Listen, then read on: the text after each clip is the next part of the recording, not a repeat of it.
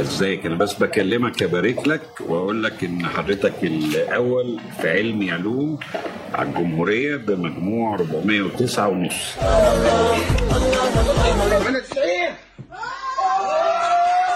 هذا والله ما هو امتحان. مكفرين أنتوا كفرين امتحان عبارة عن فريد. ماشي شفرت فريد لعبنا معاه وصافي. كلهم بعيطوا. واللي بتنط واللي مغمى عليها وليش؟ مش من فراغ. امتحانات الثانوية العامة البكالوريا التوجيهي تعددت الأسماء لشيء واحد. مع نهاية مرحلة الامتحانات في مختلف الدول العربية ستتكرر ردود الفعل المتباينة حول الرضا عن المعدل ومشاكل الامتحانات وصعوبتها والجدوى منها. بينما ينتظر الجميع النتائج طالب في القدس أنهى امتحاناته لكن لا يبدو أنه سيشارك زملائه الفرحة ذاتها عندما تظهر النتيجة. باسل داوود. المشكلة لدى باسل ليست خوفه من عدم تجاوز الامتحانات بنجاح فهو من المتفوقين في الدراسة بل أن التخصص الذي يرغب في دراسته يحتاج امتحانات إضافية فجامعته لا تكترث بنتائج الثانوية العامة. ولم تقم المدارس بمساعدته لاكتساب المهارات الأساسية التي سيحتاجها في هذا التخصص. على موقع معين لقيت إنه في جامعة في إسبانيا بتسوي إشي هيك كورس آه، أحياء مع علم نفس اللي هو اسمه psychobiology اللي هو عبارة عن سايكولوجي مع بيولوجي يعني لسه قبل كم يوم كنت بحكي مع اصحاب بقول لهم أنا مش مستوعب أنتوا كيف رح تدخلوا الجامعة كمان شهر. وهم كانوا بيحكوا لي ولا إحنا مستوعبين. يعني المدرسة ما بتحضرك من ناحية عملية ومن ناحية اجتماعية ومن ناحية إنك تحكي وتحتك وهيك. فما الفائدة من امتحانات الثانوية العامة؟ ولماذا يخضع الطلاب لها في كافة الدول العربية؟ هل أثمرت هذه الامتحانات عن نتائج إيجابية؟ وكيف يقوم الطالب اليوم باستخدام التكنولوجيا لتعليم نفسه.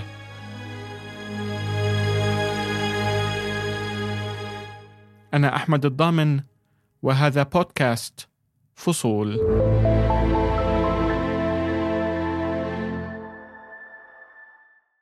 الليلة يوم 3 أكتوبر 3 10 آه والنتائج المفروض المفروض لو ما أجلوها المفروض تكون يوم 15 10 فيعني فاضل آه 11 يوم لو ما اتأجلت حيكون فاضل 11 يوم فيا ريت ما يأجلوها. كان هذا اليوتيوبر السوداني منذر عبده. قرر العام الماضي أن يوثق لحظات انتظاره لنتائج الثانوية العامة التي تأخرت في السودان. بحسب تقرير صادر عن الأمم المتحدة تعرض السودان مثل الكثير من الدول إلى تدن في جودة التعليم وانقطاع الملايين عن جميع المراحل الدراسية لكن امتحان الثانوية تعرض لنكسة في السودان العام الماضي رسب نصف المتقدمين في الامتحان تقريبا في مواد كانت نسب النجاح فيها تصل 80% في الأعوام السابقة. منذر مل من استمرار تأجيل إعلان النتائج. فالمفروض النتائج تكون الليلة يوم 15 لكن ما عارف حصل شنو النتائج قالوا ليه شهر 11 فأنا ما أعرف السبب ليه.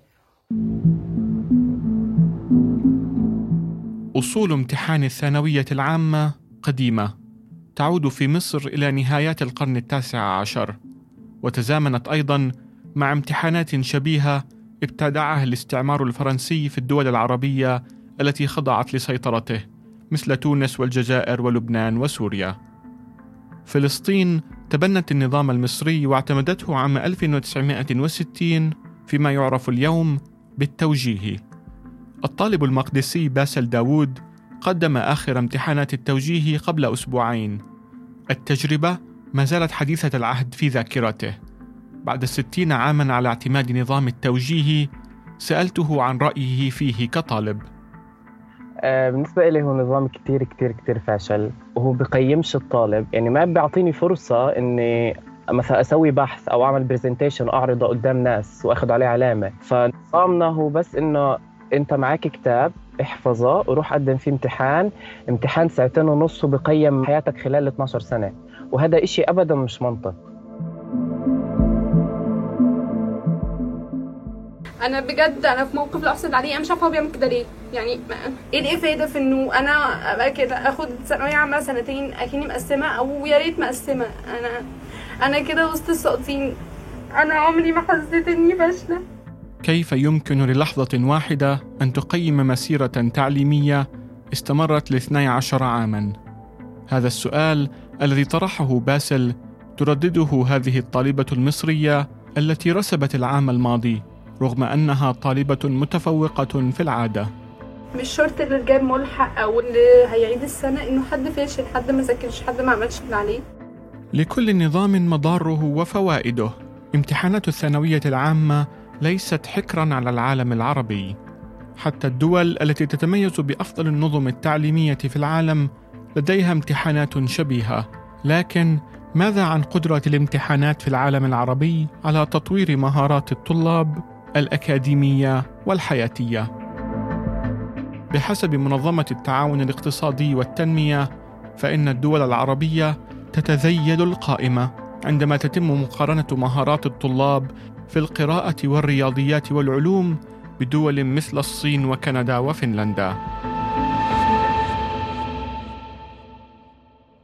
اصحاب كتير عندي انه هم غير مؤهلين إنهم يدخلوا جامعه السنة الجاي لأنه فعليا هم حتى تعامل مع الناس ما بيعرفوا يتعاملوا. كمان كيف يحكوا وكيف يعملوا. زي ما بتعرف الجامعة كتير إشي فيها اللغة فمثلا عندنا منهاج الإنجليزي منهاج جدا غبي. كنت أحكي بما إنه أصلا يعني اوريدي معلميني متخرجين من جامعات يعني فإنه أكيد بيعرفوا أكيد مرقوا في هيك تجارب. فمرة رحت بحكي لأستاذ عندي بقول له إنه كيف بقدر عن جد أتأكد من المصادر وكيف بقدر أطول مصادر موثوقة وهيك. فطلع فيه بحكي لي اسمع أنا مادة البحث العلمي بالجامعة نجحتها لما رحت جبت كاسة قهوة للدكتور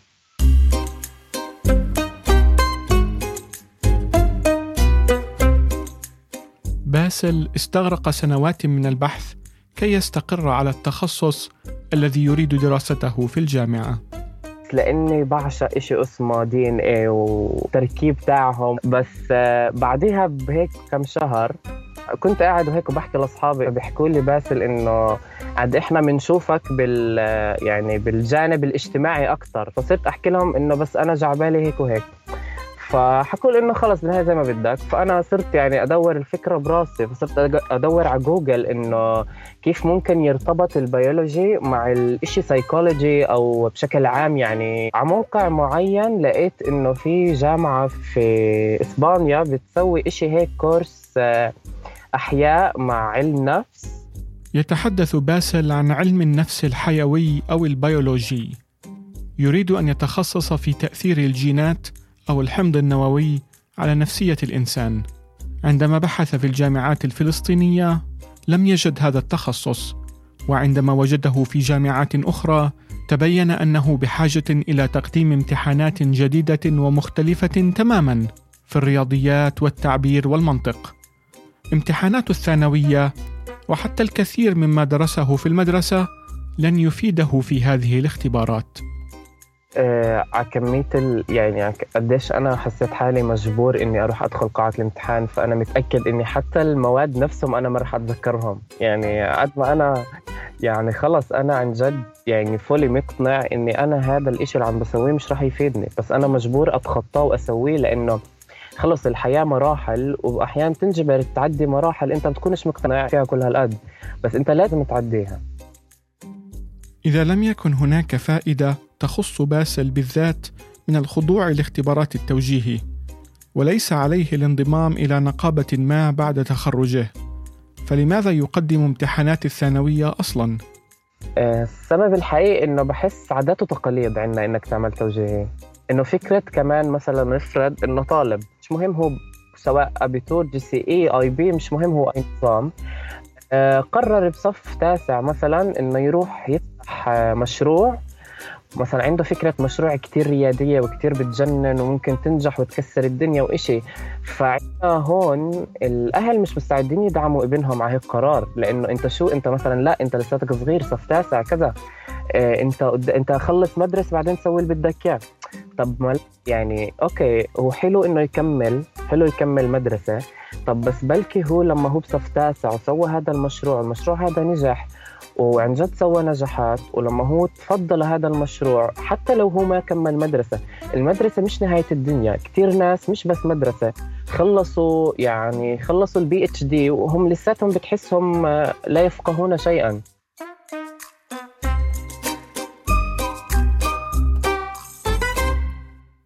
المدرسة والامتحانات ليست نهاية العالم كما يقول باسل والتفوق في الامتحانات لا يعني النجاح في الحياة أو سوق العمل.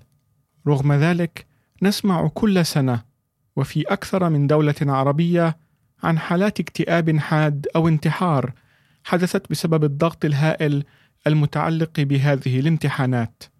العام الماضي مثلا سجلت مصر ست حالات انتحار وقبل عدة سنوات حاولت مجموعة من الطلبة لم يعلن عن عددهم الانتحار بشكل جماعي في الأردن لاعتراضهم على شهادات التوجيه. التوتر قد يصل ذروته يوم إعلان النتائج. لم يستطع الطالب السوداني منذر عبده إخفاء توتره عندما علم أن النتائج سيتم إصدارها قريبا. الليلة يوم 9 نوفمبر الليلة يوم النتائج ناجحين ولا ما ناجحين؟ هل إذا حنعيد ولا ما حنعيد؟ حنمشي الجامعات وكده؟ لسه أنا ما أعرف أي حاجة يا جماعة. وحرفيا يا جماعة قلبي ده قاعد يدوك ما باقي إلا يطلع من مكانه ده يطلع برا يعني. سألت باسل ماذا سيفعل إذا لم ينجح في الامتحانات الإضافية التي يريد تقديمها؟ هي علامتي هناك كتير عالية اللي بدي إياها لتخصصي. بس إنه في حال يعني لا سمح الله ما جبتها فأنا حكيت إني رح أعيد الامتحان كمان مرة. آه، و plan C يعني أوقف كمان سنتين وكتير نفسي أفتح business له علاقة في المطاعم وهيك إذا لم يكن بإمكان باسل تعلم المواضيع المتعلقة بامتحانات التخصص في المدرسة أو اكتساب المهارات ليفتح المشروع التجاري الخاص به فمن أين يحصل على هذه المعرفة حالياً؟ عشان أنا من زمان بحلم إنه يكون عندي business فأنا كنت دائما بطلع على إنه كيف تعمل business وشو الأشياء اللي بتلزمك لل business وإنه دائما مش رأس المال هو مش إشي كتير مهم لل business فكنت أحضر هيك فيديوهات كمان اللي اللي كنت بحس إنه محيطي ما في حدا بدعمني على هيك فكرة بس اليوتيوب كان بشجعني بس على اليوتيوب ورجاني إنه الإشي لا الإشي مش هيك. استخدم باسل أيضا التعلم الإلكتروني لتطوير لغته. أنا كتير بحب اللغات. فأنا سجلت في جوتا فرنسي سنتين بعدها ما قدرت أكمل. يعني كان كان إنه أنا من سكان القدس والمعهد برام الله كثير صعب علي من ناحية مواصلات من ناحية وقت وكل هاي الأمور. فأنا قطعت. فإنه أنا هيك بعد شهرين ثلاث صرت أحكي تنتين وأنا بتعلم إشي بحبه. فأنا مش منطق أوقف يعني. بقدر أكمل فأنا فتحت عادي فتحت يوتيوب فشفت إنه في قنوات اللي هي بتدرس وفي إشي مراجعة. كان كمان لقيت تطبيق اللي هو بتقدر تحكي معاه بتحكي أنت وهو بيحكي معك وبيصلح لك. كان الاشي كتير أسهل علي وكتير وفر علي وقت وفر علي فكرة إني أنا أطلع من الدار مواصلتين ومعبر عشان أوصل المعهد وأرجع متأخر كتير. وخلص وأنا قاعد من محلي بالبيت أنا قادر أسوي كل هذا الإشي وحسيت حالي أنجزت أكثر يعني حسيت حالي عن جد تقدمت باللغة أكثر من لما أنا كنت في المعهد. لأنه حسيت المعهد خلاني في نطاق اللي برضه زي المدرسة اللي برضه أنا بس أتعلم كيف قواعد وكيف أكتب تعبير وكيف أكتب ديالوج معين أو إشي. ما علمني كيف أنا أحكي وكيف أحتك وكيف أدير أنا حديث من عندي. هناك فرق مهم بين التعلم الإلكتروني والتعلم عن بعد.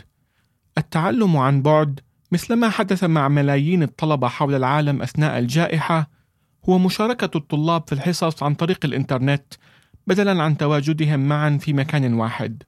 سبق وأن تحدثت عن ظاهرة التعلم عن بعد في حلقة سابقة من بودكاست فصول تحت عنوان في بيتي مدرسة هذا مقطع منها. صعب تلاقي حد مبسوط على التعليم عن بعد. إذا التعليم عن بعد عشان طول الناس هلا عم بتفرفط روحهم.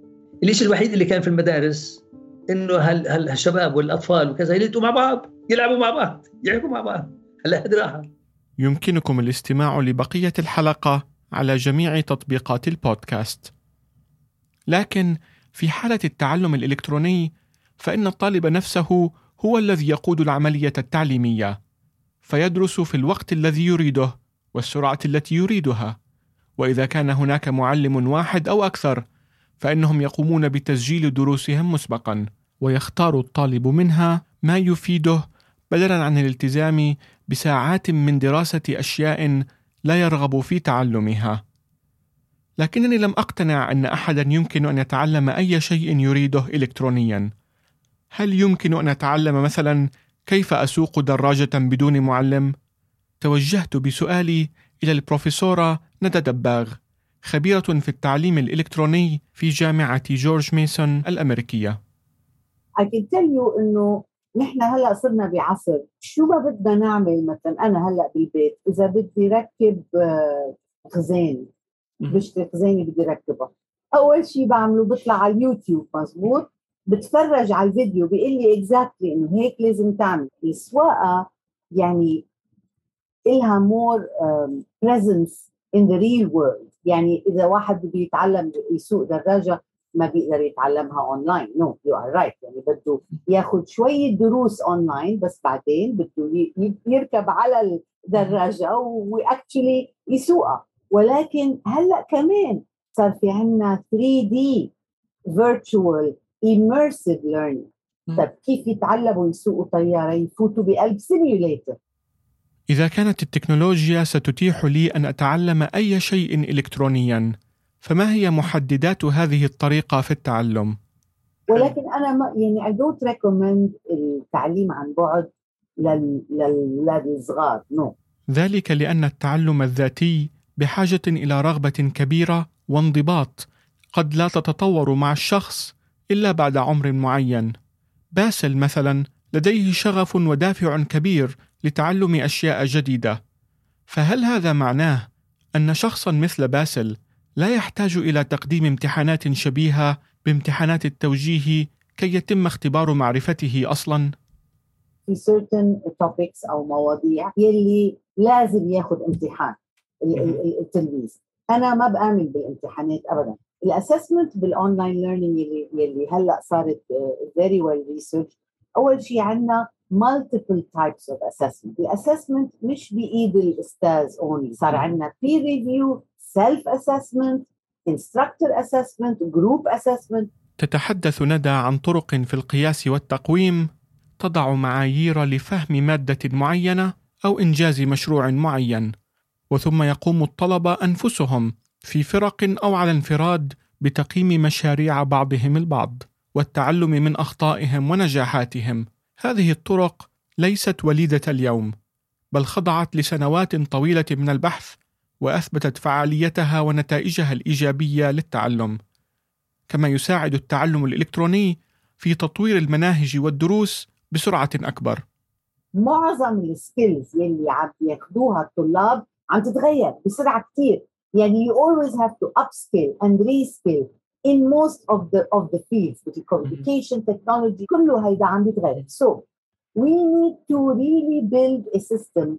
أول شيء كيف نخلي التلاميذ والطلاب هن ياخذوا مسؤولية على علمهم ويعرفوا أي هدف يمارسوا لحتى يكون عندهم أهداف بحياتهم ويصيروا lifelong learners و continuous learners بحسب ندى فإن المهارات المطلوبة في سوق العمل تتطور بسرعة كبيرة تفوق المناهج الدراسية، ولذلك من الأهم أن يتعلم الطلاب مهارات التعلم كي يستطيعوا أن يتعلموا أي شيء يريدونه بأنفسهم. باسل مثلا وجد أن التعلم الإلكتروني أقنعه بأن الفشل جزء من التعلم وأعطاه الدافع كي يفشل ويتعلم من أخطائه. أي حدا بيقدر يسوي business أي حدا بيقدر ينجح إذا هو عن جد هالقد هو مقنع وهالقد هو واثق بحاله. okay ممكن يخسر مرة ومرتين وثلاث وأربعة بس بالنهاية طول ما هو متمسك بفكرته ومتمسك بحلمه فرح يجي يوم ورح ينجح ورح يسويه. على سيرة النجاح والفشل ماذا حدث مع الطالب السوداني؟ النتيجة طلعت وأنا جبتها 70 70 دي نهائي نسبة ما كويسة أنا علم أحياء. فاللي حيحصل إنه أنا حعيد تاني السنة دي. 70 نهائي ما حتوديني أي حتة أصلا لا طب لا علمي ولا أي حتة. قد يكون منذر فشل في تحقيق المعدل الذي يريده وسيحاول مرة أخرى. لكنه بدون شك ناجح على اليوتيوب. قناته فيها أكثر من أربعين ألف متابع ويطمح إلى أن يصل مئة ألف. لا أظن أن هذه المهارة قد قاستها الامتحانات. كانت هذه فصول حكايتنا. أنا أحمد الضامن وهذا بودكاست فصول. نروي معا فصول الحكاية. اشترك في الحرة بودكاست على أبل بودكاست وجوجل بودكاست. وتابعنا على سبوتيفاي يوتيوب وساوند كلاود. كما يمكنك الاستماع إلينا على راديو سوا.